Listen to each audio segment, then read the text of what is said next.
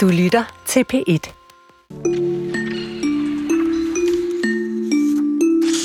Statsministerens nytårstale blev som bekendt noget anderledes, kan vi vist roligt sige, end planlagt. Men alligevel, hvis vi nu ser på nytårstalen som, ja, et litterært værk, hvordan var den så, og var der noget, vi vil huske, sådan som det er sket med andre nytårstaler. Vi har sat en litteraturkritiker til at spidse ørerne særligt denne gang, og han kommer og giver sin anmeldelse. Det bliver om, ja, et lille kvarters tid. Og så har den betydningsfulde Statens Kunstfond fået nye medlemmer og en ny leder.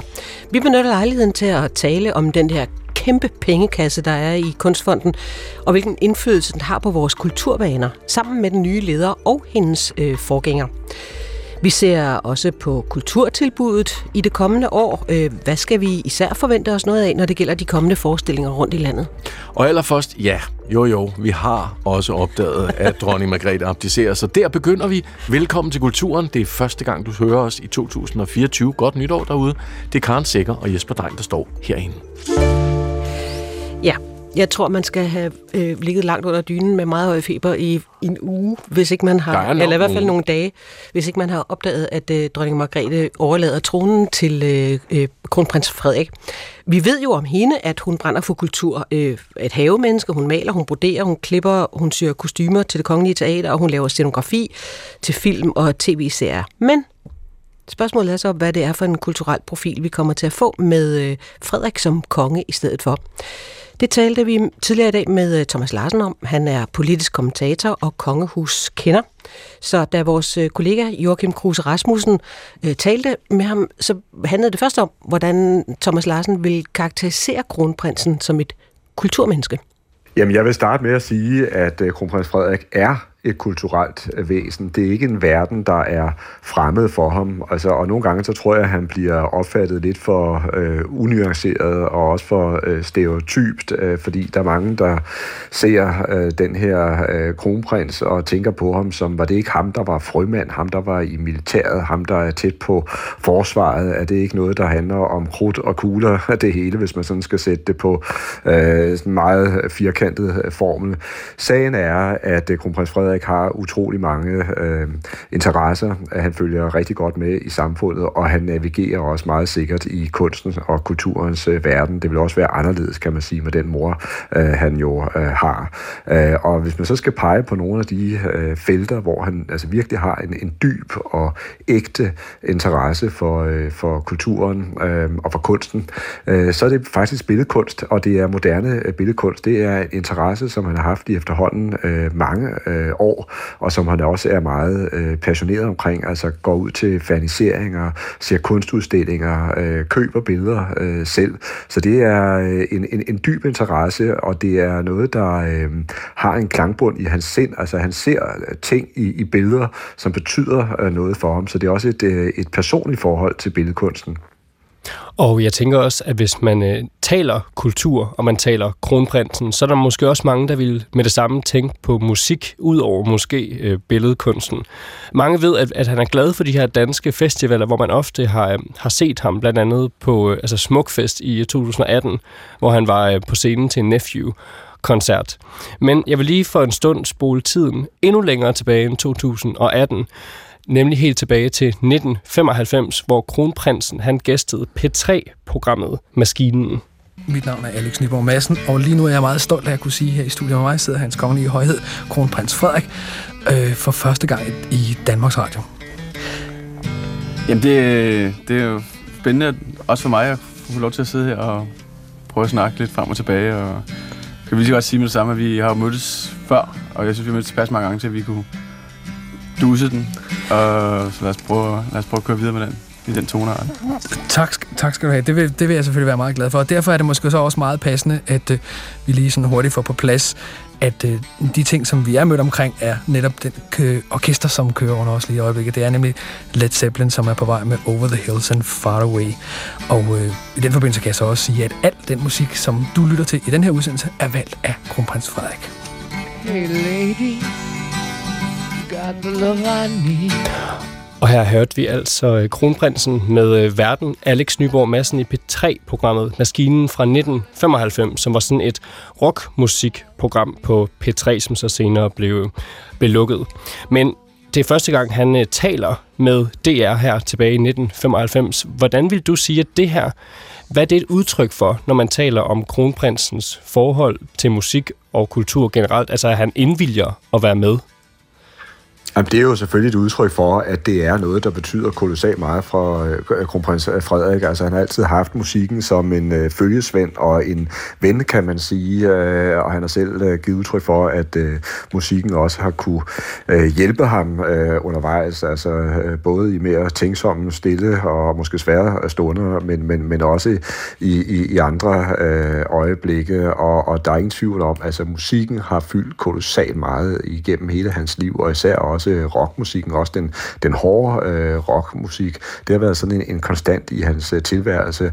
Og på samme måde, så har han jo også været en, øh, en ret øh, ivrig koncertgænger, når han får mulighed for det, og har været ude på øh, festivaler, som øh, du også øh, sagde øh, før i, i, i oplægget, og, og, og elsker simpelthen at være ude i sådan et menneskehav, når musikken øh, spiller.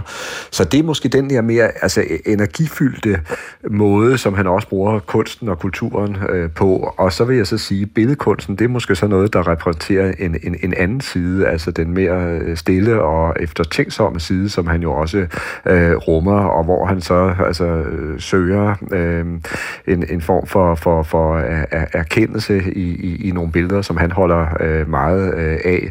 Og, og jeg vil lige holde fast i, i, i det her med, med, med billedkunsten, fordi jeg tror, alle kender hans forhold til musikken, men billedkunsten, det er mere ukendt. Altså, vi skal også huske på, at da han og kronprinsesse Mary flyttede ind i deres øh, palæ på Amalienborg, der fik de jo rent faktisk altså en stribe øh, kunstnere til at dekorere de enkelte øh, rum i palæet øh, med, med moderne øh, maleri, så det vil sige, de går vidderligt rundt, altså på daglig basis, øh, omgivet af, af, af, billedkunst i, i, i hver eneste øh, rum, de bevæger sig igennem. Så de siger altså også noget om, at det er ikke bare sådan en, en overfladisk interesse, det, det er et liv, øh, de har med, med, med kunsten som, øh, øh, som øh, en faktor, der betyder rigtig meget for dem.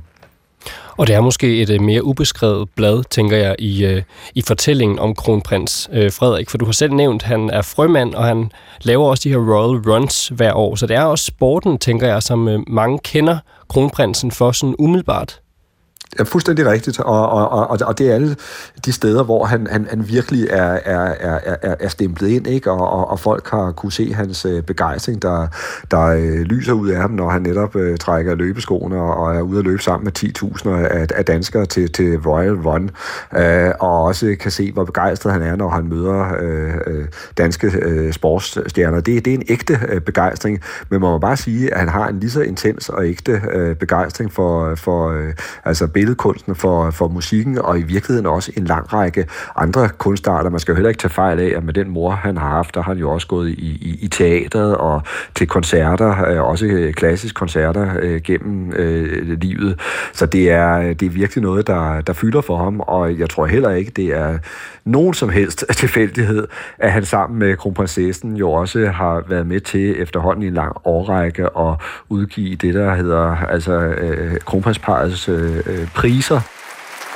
Mange tak. I aften skal vi sammen med publikum her i salen og med seerne, der følger med hjemmefra, fejre kunst og kultur.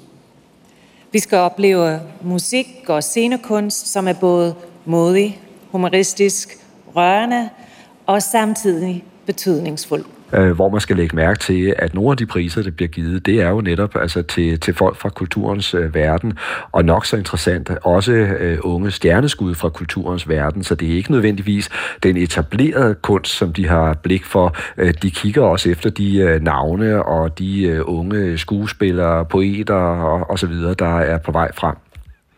Ja, for det her kronprinsparts priser, det er et uddelingsshow, øh, som er en tilbagevendende årlig begivenhed, hvor så kronprinsparet uddeler en, øh, en række priser og hylder præstationer inden for kunst og kultur. For eksempel så vandt Henrik Vipskov, han vandt Kulturprisen, mens kvinderne bag How to Kill a Dog, Emma C. Hested Hø og Jennifer Vedsted Christiansen, de vandt kronprinsparts kulturelle stjernedrøs pris. Så hvad siger det om kronprinsparet, den kommende dronning og konge? Altså, at de laver det her store show. Hvad siger det om deres syn på kultur? Ja, det siger jo igen, at det her det er udtryk for en øh, ægte og dyb øh, interesse, og så synes jeg, at det, der for alvor er interessant, det er netop, at det ikke bare, altså bare i anførselstegn, er den etablerede scene, de kigger på. Det er ikke øh, de gamle øh, stjerner fra, fra, fra scenekunsten, øh, fra, fra, fra filmkunsten, som øh, vi alle sammen kender, som de har lyst til at, at hedre og, at give store priser. De ser også ud på, på, på nogle af de talenter, der er på vej, øh, og noget, der også er... Øh, Øh, synes jeg, kendetegnende for nogle af de valg, de har, de har truffet, når de har givet priserne, det er jo også, at de har valgt nogle gange nogle, nogle navne, der har, der har kant, hvor man måske også kunne forestille sig, at de vil sådan tage pæne valg, sikre valg, øh, valg, der ikke vil øh, støde nogen, men der har de også øh, ragt ud øh, til kunstnere, som, øh, øh, som har meninger, som har holdninger, øh, og som øh, bevidst altså også nogle gange kan, kan, kan bruge øh, øh, hård satire eller, eller øh, provokationen som en del af deres øh, kunst. Det synes jeg meget interessant. Og når dronningen nu abdicerer og overdrager tronen til kronprins Frederik, så betyder det jo også, at Danmark får en ny dronning, kronprinsesse Mary. Så hvis vi nu skal sætte nogle ord på hende specifikt som kulturel person, hvordan vil du så karakterisere hende Jamen, der vil jeg så bruge det eksempel, at hun netop øh, lever i et hjem sammen med, med, med kronprinsen, hvor billedkunsten har en, øh, en kæmpe stor og meget synlig øh, rolle. De kan nærmest ikke gå igennem et rum, altså uden at de, øh, de ser de her øh, ofte meget store kunstværker, som, øh, som hænger på øh, væggene eller er malet direkte på væggene. Så det siger jo også noget om, at hun føler sig tæt forbundet med, med, med kunsten. Men det er jo klart, der er den øh, ret afgørende forskel, når vi taler om øh, kronprinsen kronprinsen og kronprinsessen, at der, hvor kronprinsesse Mary for alvor har lagt sit engagement, det har jo især været inden for øh, den øh, sociale verden, det har været humanitært arbejde, det har været øh, alt det, hun har gjort i regi af Maryfonden, hvor hun har kæmpet mod øh, mobning og mod social isolation, for at nævne nogle øh, helt centrale emner, og også har arbejdet for at bekæmpe øh, vold mod øh, kvinder. Så det er mere på den scene, hun har optrådt, mens det, man kan sige, kunsten måske mere har hørt til hendes øh, private øh, liv, men, men, men man kan jo se også, altså når øh, hun er ude, altså hvordan altså hun også øh, øh nyder forestillinger, øh, og så er det jo et fælles forhævende det, at de udgiver deres priser sammen, og sammen finder frem til nogle af de kunstnere, øh, hvad enten det er forfattere eller øh, unge skuespillere, der så skal have priserne. Og nu har vi nævnt den her kunstsamling, som, øh, som hænger i deres øh, private hjem. Kan du være specifik? Hvad er det for en type kunst, for eksempel, som øh, kronprinsen investerer i?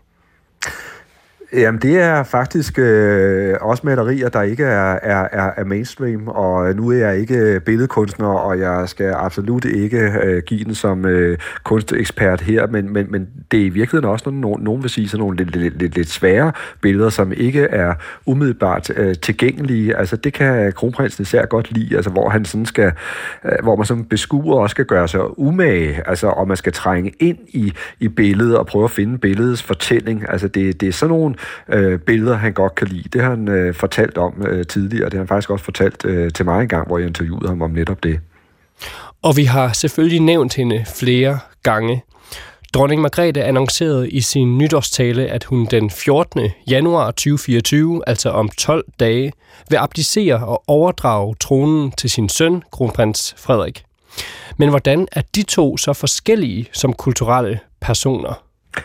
De er begge passionerede øh, for kunsten og kulturen, men man kan sige, for dronningen har det direkte været en livsnødvendighed. Det lyder stort, når jeg siger det på den her måde, men, men, men jeg mener det. Altså for dronningen, så har det at beskæftige sig med kunst, øh, og også øh, lave kunst selv, det har næsten været som at trække øh, vejret. Altså det har været helt afgørende for hende, at hun har haft det øh, frirum øh, gennem hele øh, sin tilværelse, og det har hun også sagt meget direkte, og hun har også lagt det decideret ind i sin tilværelse, at hun har sådan en, ugentlig dag, hvor hun sidder og fordyber sig i kunsten, og også selv laver sine billeder, sine tegninger, sine dekopager.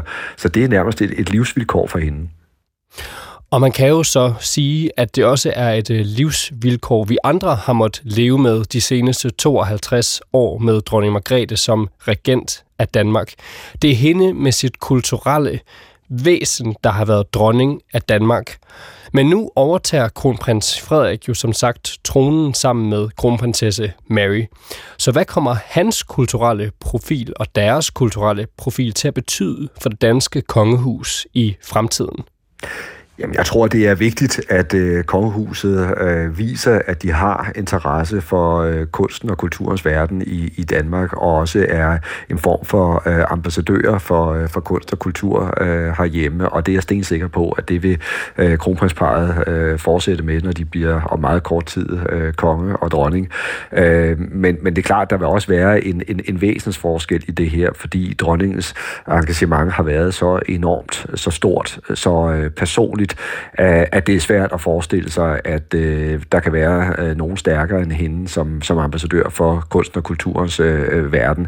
Så det bliver noget, noget, noget, noget andet, men, men, men, men det er stensikkert, at hendes efterfølgere, øh, de vil også øh, fortsætte traditionen med at beskæftige sig øh, indgående med, hvad danske kunstnere øh, laver, og også fortsætte i ambassadørrollen så godt, som de formår. Og jeg har læst øh, et sted, at øh, dronning Margrethe hun er blevet kaldt kulturens dronning. Så lige her til sidst, er det noget, kronprinsen kan leve op til?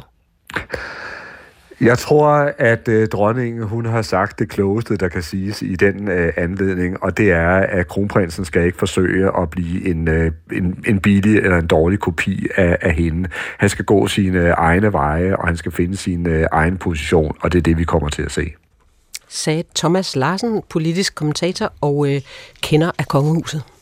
Nu er det jo, ja, det er nytår, og nu skal det handle om nytårstale. Statsminister Mette Frederiksen var klar for Marienborg i aftes som vanligt. God aften. Nogle årstal står klart i vores bevidsthed, fordi vi knytter dem til bestemte begivenheder. Sådan sagde dronningen i sin nytårstale i går. I dag, den 1. januar, der ved vi allerede, hvilken begivenhed vi vil forbinde med det nye år. Ja, og så er vi vist alle sammen med. Vi behøver ikke høre mere af, hvad der hun refererer til. Vi havde oprindeligt, inden dronningens nyårstale, øh, ring, øh, ringet til litteraturkritiker på Weekendavisen og digter Lars Bugdal for at høre, om øh, han ville lytte med, læse talen, øh, Mette Frederiksens tale, med de der kritikerbriller, han er jo er vant til at have på. Og øh, lytte, så vi alle sammen øh, nu sammen kunne øh, dissekere og demontere talen i dag. Altså, øh, behandle talen som sådan et slags litterært værk. Men så... Kom der lige en kongelig abdicering fræsende forbi og ændrede som bekendt statsministerens planer. Hej Lars Bugdal. Hej. Hov, jeg skal lige åbne for den rigtige mikrofon. Hej Lars, der er du. Hey. Godt nytår. Nu er jeg igennem. Ja. Jamen, øh, vi har jo skrevet sammen her over, fordi der, der sker jo som sagt noget, ikke? Jo. Øhm, så hvordan var opgaven umiddelbart? Hård, øh, vanvittig? Ja, Nej. Umulig? Nej. Nej, men jeg synes jo, altså som, den blev lige pludselig sjovere, om jeg så må sige. Ikke? Eller den blev i hvert fald i, også i sin forventning der i det døgn, der gik fra, fra den ene tale til den anden tale. Ikke? Så, så var der ligesom pludselig øh, action involveret på en måde, som der jo ellers så godt som aldrig er i forhold til taler, næsten taler en hver slags. Ikke? Altså det, det er sjældent, at de bliver nødt til ligesom at og i hvert fald til nogle traditionelle taler, ikke? Altså at, at tage... Øh, at pludselig ligesom øh, øh, ommøblere, ikke? Mm. Og, øh, og, og, og tage et direkte hit, om jeg så må sige. Og få et reality teksten. Ja. Jeg havde det i hvert fald også sådan i går. Jeg er ret sikker på, nu må det jo vise sig øh, om et par dage, når man tæller antal seere op, at der nok har været flere seere, fordi nu skulle man lige se, hvordan ja. i helvede greb hun den. Altså. det er lidt vindspænd. Og Lars, du er jo vant til at sidde og, og beskæftige dig med poesi, romaner osv. Hvordan greb du det an, når det nu gælder sådan en statsminister nytårstale? Øhm, Jamen det handler jo, øh, altså det er jo, jeg jo ligesom ser efter sådan helt, øh, helt professionelt til hver en tid, øh, når jeg får noget tekst ind af, af brevsprækken i bogform, ikke? eller i manuskriptform, hvor jeg sidder og, øh, og redigerer øh, vedkorn, øh, det, det gode gamle poesitidsskrift, ja. øh, som har fandtes længere end dronning Margrethe har været. Ja. dronning trods alt dobbelt så lang tid. Øh, det er jo det, øh, det, er jo, det er jo Altså, det er jo en eller anden form for altså en sk- altså, skriftlig karakter. Ikke? Altså, og det ved man jo så på forhånd i sådan en... Øh, måske fordi man så både har lidt et, et, jo, har et kendskab til Mette Frederiksen, men, men, men jo også bare til selve talen, den her tales funktion i Nytårstalen verden, som genre. At den, den, øh, den er ikke interesseret i at være, hvad skal vi sige, stilistisk retorisk, sprogkunstnerisk, øh, karakterfuld. Vel? Den er nok interesseret i at være, være effektiv, Øhm, men den er ikke interesseret i at, at, at være karakterfuld. Det betyder ikke, at, den ikke, at der ikke kan være mellemværende mellem det, vi kalder det, vi kan kalde poetisk funktion i sproget, fordi det har vi hele tiden mellemværende med, ikke? Hvor, man, hvor man forsøger og altså taler i billedsprog, for eksempel, ikke? som ligesom den åbenlyse måde, vi, øh, at, at sproget poetiseres på. Ikke? Og det kan være ja. døde billeder, eller vi kan prøve ligesom at lave nogen, øh, der, der, der er friske og nye. Ikke?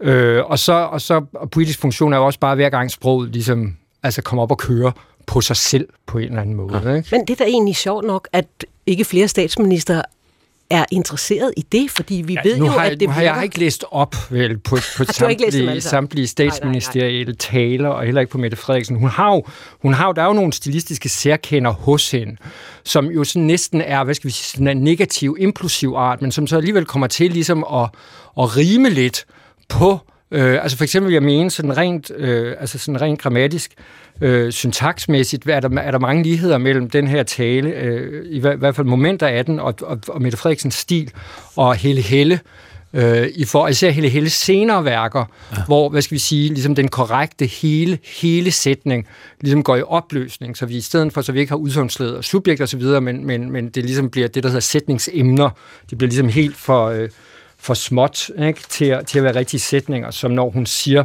da hun er inde i at tale om det her med fertilitetsbehandling, Øh, og her, her skal vi også tænke på, at hun nok har været nødt til ligesom simpelthen at mase talen sammen. Ja, ikke? Altså, så, så den er ligesom også, altså den har, den har simpelthen fået nogle tryk 16, ikke? så dermed er noget af syntaksen også råd væk, ikke? fordi der ikke har været, der har ikke været råd til verber længere, vel? fordi der, der, der, øh, og hun af en eller anden grund har været tvunget til, til, til hvor lang den skal være også. Ikke? Hun kunne bare have udvidet den. Ligesom i gamle, dage, gamle dages telegrammer. Ja, præcis. Ikke? øhm, Hvad skriver hun der? Der er sådan hele helt. Nå, men bare der, hvor det kommer, der står, til jer, der sidder derude og venter på et barn det var allerede, der mangler ligesom noget af den sætning, ikke? fordi der står et punktum. Ikke? Står der, alle jer kommende mødre fædre, familier i alle regnbuens farver, punktum, som bærer rundt på en hjemløs kærlighed. Og de der punktummer, hun også bare ligesom laver, så hun simpelthen for det for Hun det starter med sommer, hun starter med år, og ja, hun gør de der de her over ting. kommer hele ja. tiden, ikke? I, som, som er noget, man, vi, nogle af os i hvert fald lærte i skolen, var, var, var simpelthen en måde, der er forbudt at skrive på. Ikke? Så, så der er nogle særkender, ikke? men de er ligesom som, som, som når man så er litteraturlæsende, så får de, får de litterær karakter, men det er de nok ikke. De er nok eksempler på det modsatte, på at gøre kommunikationen ligesom ja. så hvad skal vi sige, både effektiv, men også uimodsigelig som muligt. Ikke? Og det er derfor, der, hun opretter den her staccato, ikke? at vi, skal, vi, der, vi er ikke reflekterende, vel? Vi, vi øh, øh, øh, altså faktum, fakta øh, op, opregnes. Ikke? Og så, så det, du sagde før med, med sprogbillederne. Ikke? Lad, ja. lad os gå fat i nogle af de der scener, yes. øh, fordi jeg har lige optaget øh, to små bidder med hende. Øh, lad os tage den første. Yes. Øhm, det er den her med dronning Margrethe helt i, i begyndelsen. En regnfuld januardag i 1972 blev den unge tronfølger udråbt til dronning fra balkongen på Christiansborg. Ja, der tegner hun en scene. Ja sætter. Og det er jo også, det er jo, det er jo også en, altså, eller det er måske ikke så meget en poetisk, men hvad skal vi sige, en prosaisk funktion, ikke? Som, som sproget kan have, som, altså, som er, ligesom er det anekdotiske, ikke? Det, at man, og det sceniske, ikke? at man, man, man, øh, man sætter en person et sted på et tidspunkt, og, og, og, og sætter det i gang. Ikke? Hun forlader den jo lynhurtigt, ikke? vi får ikke lov til at ligesom, blive der, ja. men det er ligesom, det, det er en, det, det er en, der er regn i det mindste. Margrethe talte jo også og meget balkon. om vejr på en, på en, øh, på en, på en anderledes, ligesom, øh, grundig måde. Ikke? Men ja. her kommer regnen bare lige, øh, bare lige forbi. Ikke? Men det med bord og scener, det, tror du, det, er over, det, det må vel være overlagt? Ja, jeg tror, altså, de har, man kan jo mærke hele Margrethe-afsnittet der, som er det, der ligesom er blevet, hvor, hvor, det, hvor, hvor resten af, af teksten jo ligesom har været har været under lang proces, sikkert været i, i kommission i en eller anden forstand, sikkert gennem flere embedsmænd og, og gennem hele ministerrådet og hvad ja. som helst, ikke, har skulle, har skulle signe øh, på, at, at det var sådan her, det skulle være. Ikke? Ja. Så, så hele det her Margrethe-afsnit er jo ligesom øh, noget, der er snublet ind i teksten. Ikke? Så der kan man også bare se, at der er ligesom flere Øh, der er også bare den her besværgelse af chokket, ikke? Altså, som, som, som jo er sådan meget meta ikke? Men, men jo også meget inddragende på en meget direkte måde for os alle sammen, ikke? fordi vi, vi, altså, det runger stadig, som hun står ja. og taler. Ikke? Ja. Men, men så er det ligesom, hvor skal hun så være? Og så er det lidt det her med livsvidende, hun går lidt ind på, og, og så kommer det her altså det her med, med nationens enhed, og, og de, den, her, den her kæde, at, hvor der billederne så kommer ind der, som bliver så meget voldsomt nationalistiske billeder, i forhold til alle de her crazy altså korrupte, mærkelige konger af, af alle mulige seriet, som vi har haft igennem de her tusind år. Det kommer til at lyde som om, det er sådan en helt anden, ligesom helt lækker kædedans, ikke? Ja. Som, som, øh, som binder os alle sammen sammen. Ikke? Øh, og det er der, hun ligesom, det er der, hun lander, ikke? fordi hun vil så gerne Altså det er, den, den, det er også den gestus, hun så gerne vil have, og som at, at er også ligesom er nytårstalens gestus, ikke? det er det her med at, at samle os. Ja. Ikke? Og så er der jo en, fordi en ting er de ord, der er skrevet ned øh, og beregnet på at skulle holdes som tale, fordi det er jo sådan en anden ting af det. Altså, der findes jo fantastiske fortællere eller talere, som næsten uanset hvad de skriver, så, så begynder man næsten at tale i tunger, når man hører det, ikke? Ja. Hvordan, hvordan synes du, hun afleverer sådan en tale? Altså, hun, øh, hun er jo meget optaget af, altså der skal jo ikke og slet ikke her, hvor der ligesom har været, i, i, i, selve, i selve skriveprocessen, har været, har været tvunget et improvisations, uønsket improvisationselement ind, hvor der simpelthen ikke har været tid nok til, at de på nogen måde kunne føle sig trygge til, hvad der blev sagt. Ikke? Så hun begynder jo, man kan jo se, når man sidder med manuset og sidder og hører talen, så er der de her små øh, vrid, hun laver for, for ligesom en, det er sådan en vis mundtliggørelse. Hun er meget professionel, ikke? Øh, men, men, men, det er, men det er jo grundlæggende ligesom Altså hun er jo grundlæggende stiv i betrækket, ikke? Altså, men, det, men det skal hun jo så også på en eller anden måde være. Ikke? Altså hun skal jo ikke sådan være, være, være lun og oprømt og øh, hejvenner-agtig, vel? Altså, Øh, men, men, men der er jo ikke, der er jo ikke så, altså, og så går hun så umage for at lave nogle små smil, og altså, det, det, det er sådan meget nøje koreograferet livfuldhed, der er, ikke? Igen for at bruge, bruge Helle Helle, ikke? så det er sådan en, en meget minimalistisk livfuldhed, der er, er til stede, men den er sådan lige præcis skruet op til de der to eller sådan noget på volumen, ikke? Nu, er, nu har vi jo talt om det her, Lars, det skulle være et litterært værk og anmeldes som sådan, altså knækprosa, samtidsroman, et digt, en eller anden genre. Så her vi er ude i, det er blevet til hvad? Et, øh... Men det er blevet sådan en mærkelig blanding af noget, der sådan er lidt free jazz-agtig impro digt sådan noget som, som Dan Tural dyrkede okay. i 70'erne, ikke? hvor han ligesom altså bare kunne tale sig op eller ned. Ikke? Så der ligesom er den her dronningeharmonika, som hun ikke rigtig ved, og hendes embedsmænd ikke rigtig ved, hvor langt eller hvor kort de skal lave. Ikke? Og så, men så er det jo andet er blevet sådan næsten, altså det var det der med, at det ligesom, vi talte om, det ligesom var blevet tvangsforkortet, ikke? Altså, så det andet er blevet, resten af talen bliver ligesom meget koncentreret, ikke? På sådan, sådan en helt haiku måde. Så der er ligesom den her, og på den måde er det nogle meget, meget skøn flerstemmig tekst, ikke? Der er den her vidtløftighed med hele det her, altså Margrethe svimmelhed næsten, ikke? Og så er der de her, de her pointer, som der skulle huskes at komme med, ja. og som jo også blev meget voldsomme af, at, at hele det Margrethe-afsnit, det kommer til meget at handle det om nationens enhed, mens de andre øh, store afsnit i talen handler om, om, om udenrigspolitik og handler om nogle meget, meget voldsomme splittelser i verden. Ikke? Så, så hun får jo lavet sådan et verdensbillede, der, der med, med, med, med det her lille smølfe, lille put land her, ikke? hvor vi putter os til hinanden ikke? Øh, med den her øh, øh, Daisy, der, der, der vandrer rundt øh, over os. Ikke? Og så er der de her, så det, når, lige snart vi kigger ud, ikke? så er der bare... Så er der krig. Bomber og blod. Ikke? Ja.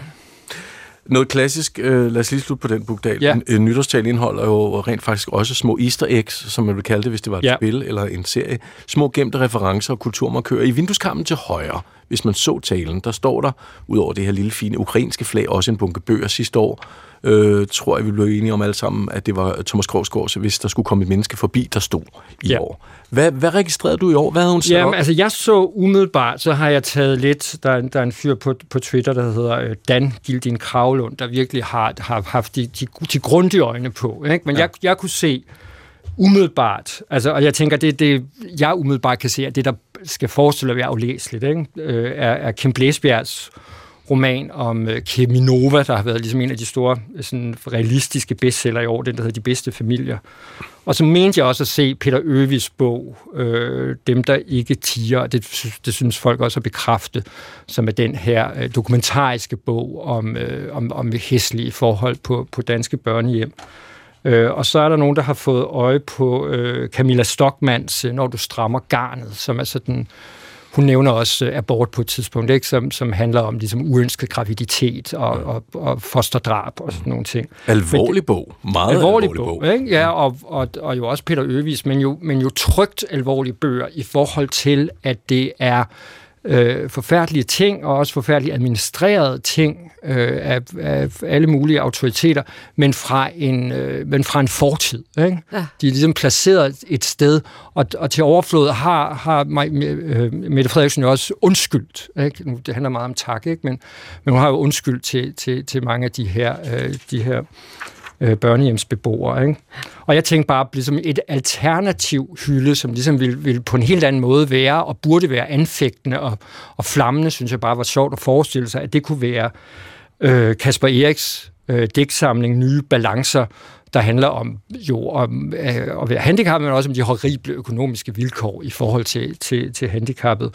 Og det kunne især jo være Mathilde Walter Clarks øh, Det blinde øje, som handler om minkskandalen, ikke? og handler om, hvor, hvordan den ligesom bare har været, ja. været pyntet og, og, og løjet til på alle de her måder.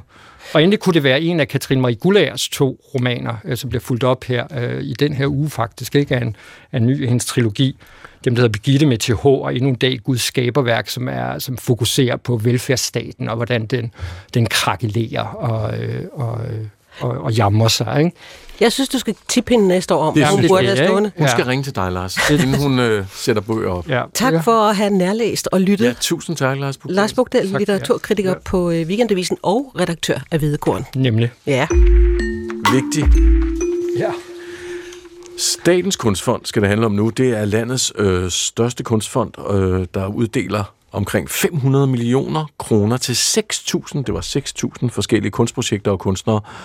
Og der kom for kort tid siden nye navne på dem, der så skal fordele de her mange penge. Det er jo nogle vigtige personer. Det er en øh, fond, der har eksisteret siden 1956. Øh, øhm, og lad os kigge lidt på, hvad det er for en betydning, øh, fonden har i dag. Og det kan vi jo passende gøre sammen med den nye bestyrelsesleder af Statens Kunstfond, nemlig forfatter Marete Bryselle. Goddag og godt nytår. Ja, goddag og i lige måde. Og tillykke med værvet. Jo, tak. Jo, tak. Og jeg hørte jo lige med det sidste her, og jeg tror jo, alle de værker, Lars han nævner, er værker, der er støttet af Statens Kunstfond. ah. Jamen, sådan binder vi en lille fin tråd igennem ja. det hele. Ja. Det er genialt. Ja. Merete, hvad er, hvad er øh, Statens Kunstfond for dig? Ja, altså, øh, jeg er jo selv kunstner, og jeg har jo haft øh, stor glæde af Statens Kunstfond, simpelthen i forhold til at have fået nogle, øh, ja, altså, nogle legater, som har sat mig i stand til at fordybe mig i at sidde og skrive. Og jeg tænker, at det er simpelthen det store grundlag for Statens Kunstfond, det er det der med at give kunstnerne øh, tid og ro til at fordybe sig i kunsten, fordi at kunst, det kræver rigtig meget tid. Mere tid, tror jeg, end de fleste er klar over. Øh, og kunstnere er utrolig hårdt arbejdende mennesker. Det er sådan et, øh, en ting, jeg gerne vil understrege. Altså, alle de kunstnere, jeg kender, de arbejder simpelthen så hårdt her efter jul, den 25. jeg ringede til min veninde Mi Mørkeberg, som er billedkunstner og maler. Hvad laver du i dag? For ja, hun var på sit atelier øh, for at male på sit maleri, og det var hun, fordi det maleri skal være færdigt 4. november. Hun er ved at male øh, de 30 kvindelige politikere til Christiansborg, og jeg synes bare for mig, så det er sådan et, et virkelig et udtryk for, altså kunstnere arbejder meget. De mm. arbejder så tit de kan, og ofte altså med lange, lange deadlines for øje, hvor man skal være disciplineret og gå hen på sit atelier eller ved sit skrivebord, eller hvad man nu laver hver dag, når man har mulighed for det. Og, og derfor er kunstfonden så vigtig for, at den tid ligesom kan, kan gives kunstnerne. Det er klart. Og nu hendes værk også, så vidt jeg husker, gigantisk i størrelse, altså rent fysisk også, ikke? Det er det. Det, det er et stort værk, ja. men det er jo det der med, at, at øh, fordi nogle gange har jeg sådan en fornemmelse af, at der er et spøgelse omkring kunstfonden, hvor det er sådan som om, jamen laver kunstner, hvad er det egentlig, de laver? Ja. Og laver de noget, ikke? Og, og, og, og det spøgelse vil jeg i hvert fald gerne være med til at øh, sende på, sådan lægge i graven.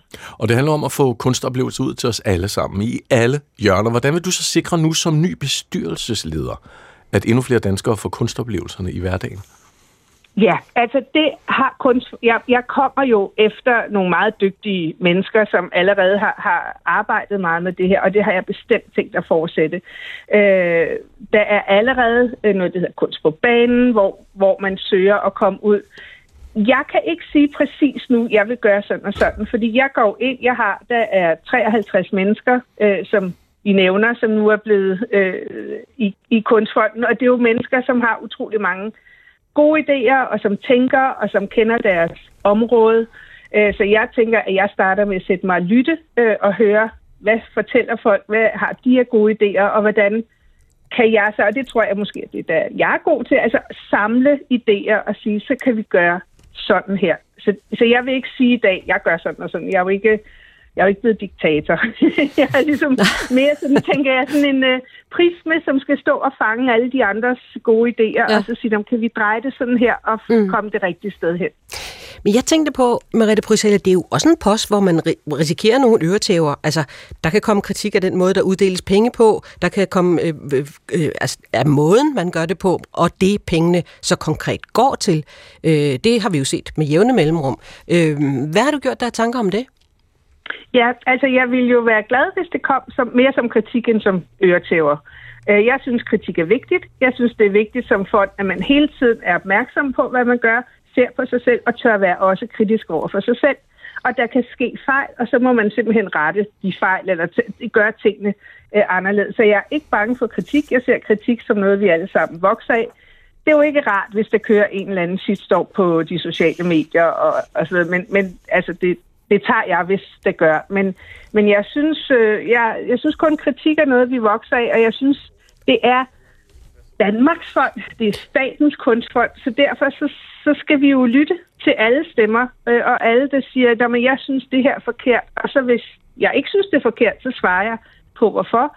Øh, og hvis man siger, at det kan der jo godt være noget om, så må man jo kigge på fonden og se, er der noget, vi kan justere ved. Ja. Så her til sidst, hvad mm. glæder du dig mest til?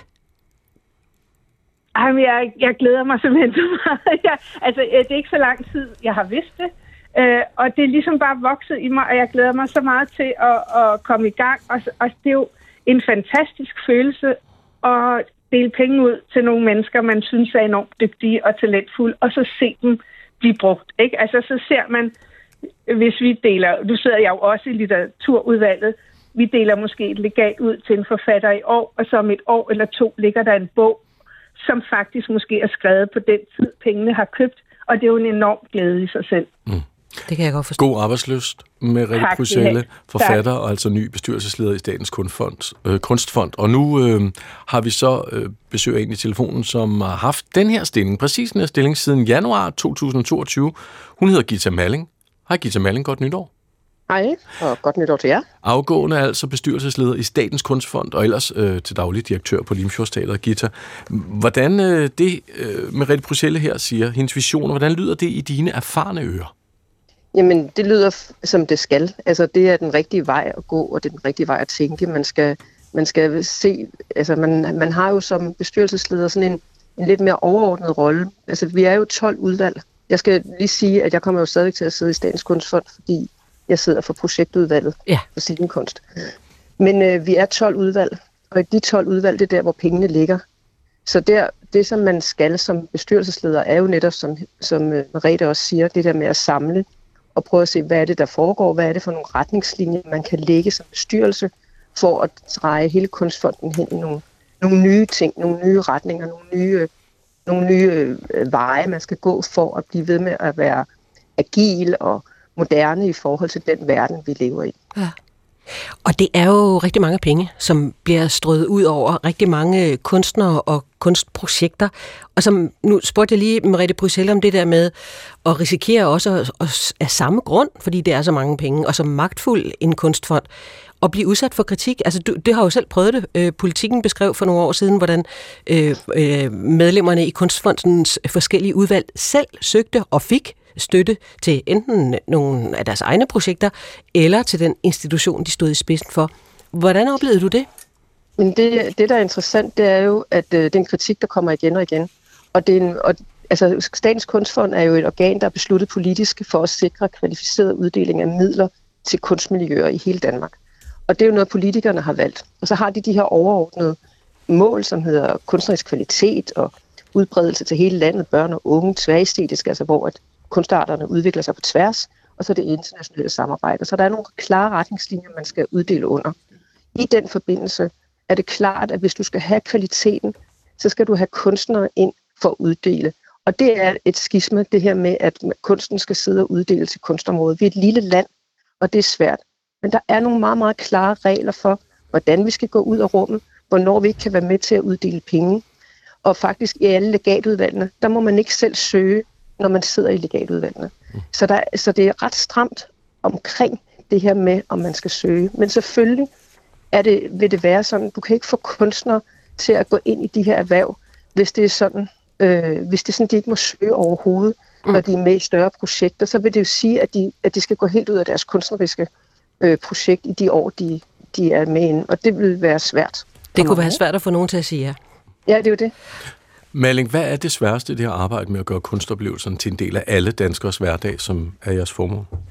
Det er at komme ud til alle. Altså det, det her med at, at få kunstfonden bredt ud, så alle føler, at det er en del af det. Altså det her med at finde ud af, hvordan er det, vi får nye kunstnere til at søge Statens Kunstfond. Fordi det faktisk, er der, er der nogen, der slet ikke ser det som, at de kan søge.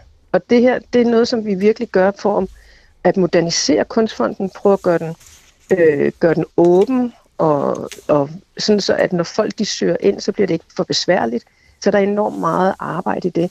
Men det er også bare det her med, så har vi sat et, et held, eller Merete, hun nævnte også det her med kunst på banen, et projekt, vi har sat på, øh, i gang, for at komme endnu længere ud og prøve på at, at nå endnu flere. Og der er det blandt andet Brønderslev, Lemvi og Helsingør kommuner, der er udvalgt til at være med i det her. Der var nogle af 20 kommuner, der søgte om at være med i det her projekt. Ja. Så det er sådan nogle projekter, vi laver for at prøve at komme ud, og det er noget, som hele Kunstfonden står for på tværs af alle, andre, eller alle genrer. Og vel også en del af det, der har været øh, en del af dit, et, jeres arbejdsområde, nemlig at styrke diversiteten på flere niveauer i Statens Kunstfond, citat slut. Ja, øhm, ja i den grad, ikke? Ja. Og også tage, nye, også tage nye ting ind. Altså for eksempel så er så computerspil kommet med ind, og øh, der, der, hele den digitale side bliver, fylder jo mere og mere, fordi det er noget, som kommer til at påvirke vores dagligdag, og det vil være det vil være ærgerligt, hvis kunsten ikke kommer med ind for at præge den udvikling på en eller anden måde, men også at tage imod og sige, hvad kan vi bruge det digitale til, også ind i kunstverdenen. Mm. Men der, der er jo så, der er så mange, der sker rigtig mange nye ting, men en af de ting, som vi så har haft meget fokus på, det er jo bias og mangfoldighed. Hvordan er det, vi så også internt i kunstfonden ikke kommer til at ligne hinanden for meget? Og der har denne her open call, som øh, repræsentantskabet lavede her i år netop, som, hvor Merete også er kommet med ind på, det er, det er jo der, hvor, man så, hvor der var 500, der meldte sig selv på banen til at være en del af Statens Kunstfond. Og det er en ny måde også at komme ud på, hvor vi også laver open call til andre ting, plus at vi laver konkurrence. Der er nogle, nogle udvalg, der har lavet konkurrencer, for simpelthen at få fat i nogle nye brugere. Tak skal du have, Gita Melling. Og fortsat god arbejdsløst, øh, både i Kunstfonden og øh, på Limfjordsteateret. Tusind tak, og rigtig godt nytår. Det I lige måde. I lige måde. Afgående bestyrelsesleder i Statens Kunstfond, øh, som jo altså nu aflyses af Merete Bryshelle. December måned gik med rigtig meget refleksion over året, der er gået, og nu er det blevet tid til at ja, nu pusser vi krystalkuglen, ser lidt fremad mod det år, vi går i møde på forskellige kulturfronter. Øhm, vi retter spotlyset i dag mod de skrå brædder. Sammen med vores næste gæst skal vi se på, hvad for nogle tendenser vi kan forvente på de danske teatre i 2024. Og her i studiet står Amalie Langballe. Hej Amalie. Hej. Godt nytår. Ja, i lige måde. Teateren melder ved Weekendavisen. Skal vi ikke bare... Øh, ja, ja, tag du bare øh, hovedtelefonerne af. Yes. Jamen lad os øh, bare sådan tage det helt store blik. Hvad, hvad, hvad for nogle teateropsætninger glæder du dig allermest til? Eller har du især fået øje på? Øh, jamen, øh, Faktisk så glæder jeg mig til sådan at genopleve nogle ting. Øh, det er jo sådan noget, som når man øh, leverer til en avis, så vi, vi glemmer jo, vi, vi omtaler jo ikke genopsætninger på ny, øh, bare fordi de bliver sat op igen, så de kan godt sådan bare leve i sådan en understrøm. Øh, men jeg glæder mig faktisk rigtig meget til at se Stolthed Fordom igen, som bliver sat op på Betty Nansen på Frederiksberg som jo øh, blev sat op for et par år siden, som var en rigtig stærk forestilling. Øh, så den, det er så dejligt, at man kan få lov til at, at genopleve lidt. Ja. Øhm, og så glæder jeg mig til at genopleve den her store maratonforestilling, Arven, øh, som jeg var... Øh, ikke sådan 100% begejstret for, men så er det så dejligt, når man ligesom sidder tilbage med den der lille tvivl, og kunne komme tilbage og, og genopleve det. Prøv lige at sætte nogle, Amalie, arven, det er den her mammutforestilling. Hvor mange timer var det, den blev bidt over i flere dage, eller man kunne se det hele? Det var man kan se det hele på cirka 8 timer, ja. øh, eller man ja. kan, se, kan dele den op på, på to aftener. Ja. Øhm, og det er jo en rigtig sjov, sådan en binge, teater-binge-oplevelse, øhm, som, som jeg da synes, øh, at det kongelige teater gør, gør, gør godt i, og, øh, og lade os alle sammen få, få glæde af igen. Øhm, så skal der også, der var også et, gens, altså et gammelt gensyn på det kongelige teater, som er inden for murene, øh, som også kommer her lige om lidt. Og som, Virginia Woolf. Ja, Virginia Woolf. Timerne. Som også bliver sat op øh, som teater. Øh, som jeg virkelig også glæder mig til. Det var sådan de store scener. Øh, Hvad med de mindre scener?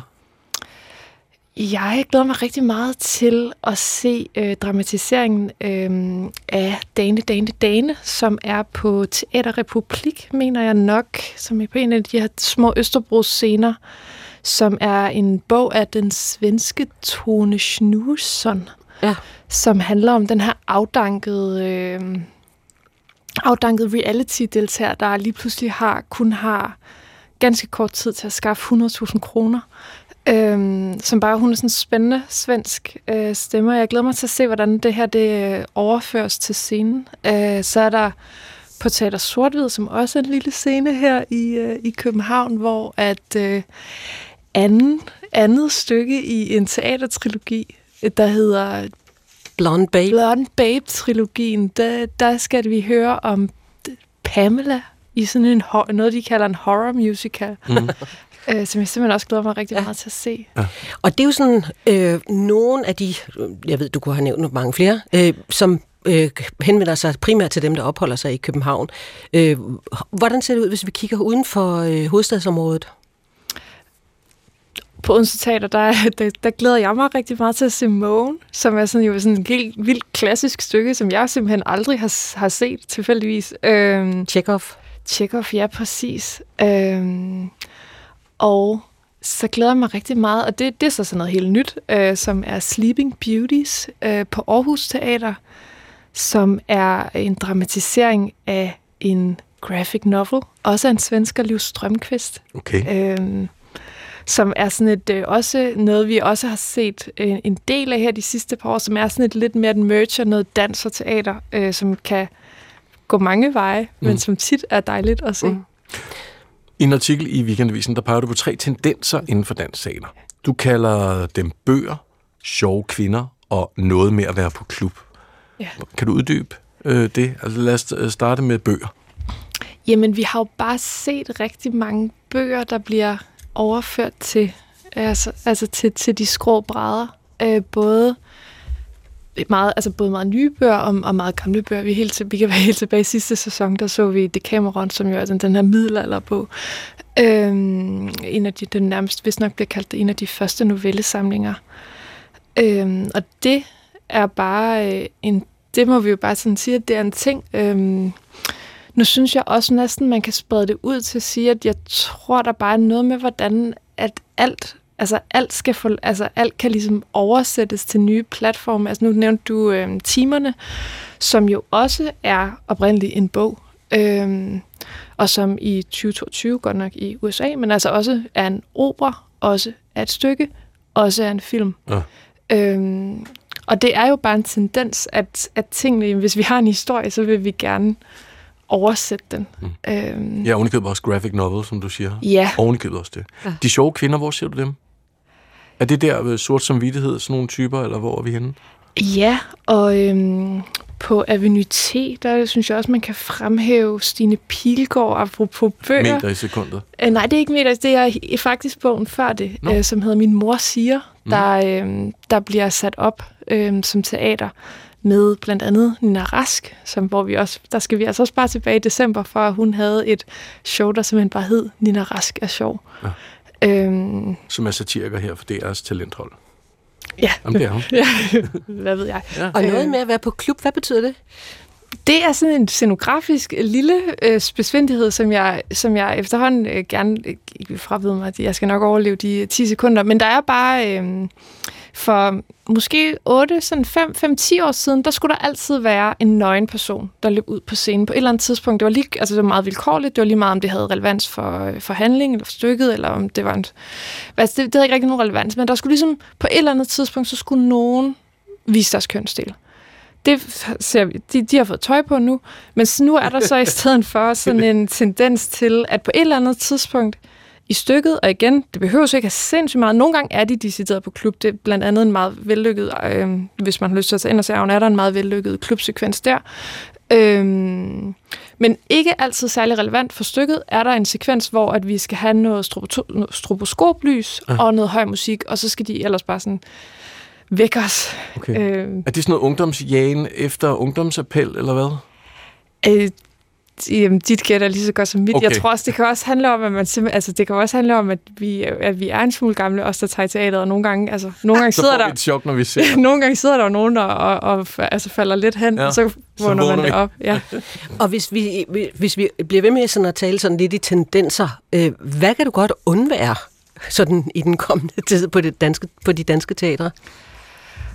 Åh, oh, jamen... Mm, igen, så er vi lidt over i den der bogtendens. Altså, jeg, jeg har oplevet et... Jeg, jeg synes, jeg oplever en tendens til, at de bliver oversat en lille... Nu kalder jeg det oversat til scenen, men altså, at de bliver sat op en lille smule for lojalt over for det originale værk, sådan, så jeg egentlig bare føler, at det, at der er et værk her, som, som jeg har læst, men som, mm. hvor der ikke var en original tanke eller en original følelse med, hvorfor skulle det her sættes op. Øhm, Lidt større mod med andre ord. Ja, det synes jeg, altså så, så, så det, det kunne jeg, jeg kunne godt, jeg kan godt undvære at bare føle, at jeg ser en bog øh, på scenen. Ja. Altså. Og det handler jo meget om, om instruktørerne, hvor, ja. hvor, det, hvor det måske er sådan mere selvstændige blik ja, altså på, en, en, på forestillinger, hvis det er bøger, der bliver i gåseøjne oversat. Ja, det synes jeg, altså sådan en, øh, jamen simpelthen ja, et større mod, at hvad, hvad vil jeg sige her? Ja. Øhm, det skulle jeg sige sådan, hvis der er noget, jeg, jeg kunne undvære, så, så er det måske, at jeg føler, at, at den her, den har jeg da vist læst. ja. Øhm, ja, øh, kan du give nogle eksempler på, hvornår det lykkes, som du har set sådan i nyere tid? Måske i det forgangne år? Øh, ja, det kan jeg. Øh, jeg synes, at øh, den opsætning, der hed øh, Væggen, som... På Peter Nansen? Øh, Betty Nansens lille scene, og nu står jeg og blanker på, hvad den hedder. Øhm, Edison? Edison, lige præcis, ja. tak. I, det var en enorm, altså det, der vælger man et stykke, der egentlig handler om en kvinde, der er fanget i et stykke skov, og hun er, men hun er bare i, her på scenen er hun bare på et, met, altså et betongulv. Okay. Øhm, det er det, det er, simpelthen? Ja, det var, wow. det var sådan en meget, meget enkel scenografi, og... Øh, og også en, karakter, altså en hovedkarakter, der var en lille smule anderledes end den hovedkarakter, man kunne læse om i bogen. Og sådan. Der, var, der, der skete mange gode ting der. Og så skal vi vel altså bare håbe på at få noget, som vi ikke vidste, vi gerne ville have. Ja. Sådan er det jo altid. Noget ja, vildt. Masser af overraskelser. Ja. Med masser af klub og nøgne mennesker. Ja. ja. Tak skal du have. Selv tak. Og øh, god fornøjelse. Jo. Der er jo ude på publikumspladsen. Jamen. Amalie Langballes bud på øh, nogle af de teatertendenser, vi måske vil komme til at se i, øh, i det kommende år. Øhm, godt nytår endnu en gang. Ja, godt nytår, Amalie. Vi skal nå, øh, inden radiovisen, skal vi lige nå at nævne et dødsfald. Ja, og det er øh, en salmedigter, sangskriver, meget andet, højskolelærer, øh, Jens Rostdal, øh, som øh, døde lige her øh, inden nytår, øh, 91 år gammel.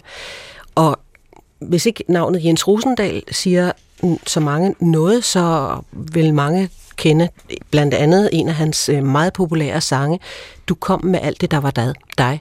Altså hvis sådan en sang eller en salme, eller hvad man nu kalder den, bliver en landeplage, så er det her nok øh, det bedste bud i, i mange, mange år. Den bliver sunget rigtig, rigtig tit til bryllup og begravelser, øh, både i kirker og, øh, ja, og til private fester. Han, øh, ja, han var højskolelærer, Lykke Kloster, men, øh, men også på Jarup Lund. Og så skrev han den her sang, da han øh, endelig kunne sige, at nu sprang han ud, havde ja. fået en mandekæreste. Som 50-årig. Som så desværre døde øh, alt for ung, 39 år gammel. Ja. Og så skrev han den her øh, forelskelsesang, som ja. man godt kan sige det. Meget, meget smuk. Ja. Den skal vi høre, Karen. Øhm, hvad blev det til 13 højskolesange? Den nulevende, eller det er han jo så ikke længere, men øh, indtil han døde, den nulevende digter, som havde flest øh, sange i højskolesangbogen, 13. Sådan. Nå, vi tager lige præcis den her, du kom med alt det, der var dig. Det er Kaja Bryl, der synger, og så er det Ole Kipskov, der spiller klaver. Du kom med alt det, der var dig Og sprængte hver en spæret vej Og hvilket for blev det Det år, der alt blev stærkt og klart Og vildt og fyldt med tøbrudsfart Og alting råbte lev det Jeg stormede ud og købte øl. Ja, vinterens gamle stive føl For ud på grønne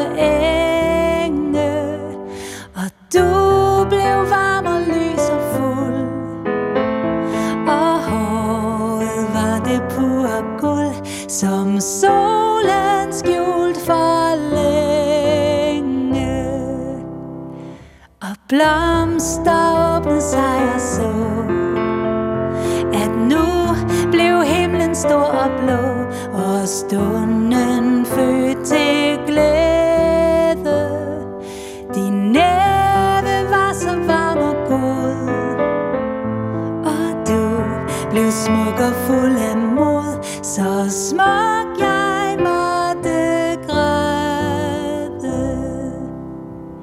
Hvor herre selv bød ind til fest Og kyssede hver benovet gæst I kærlighedens sale Med øjne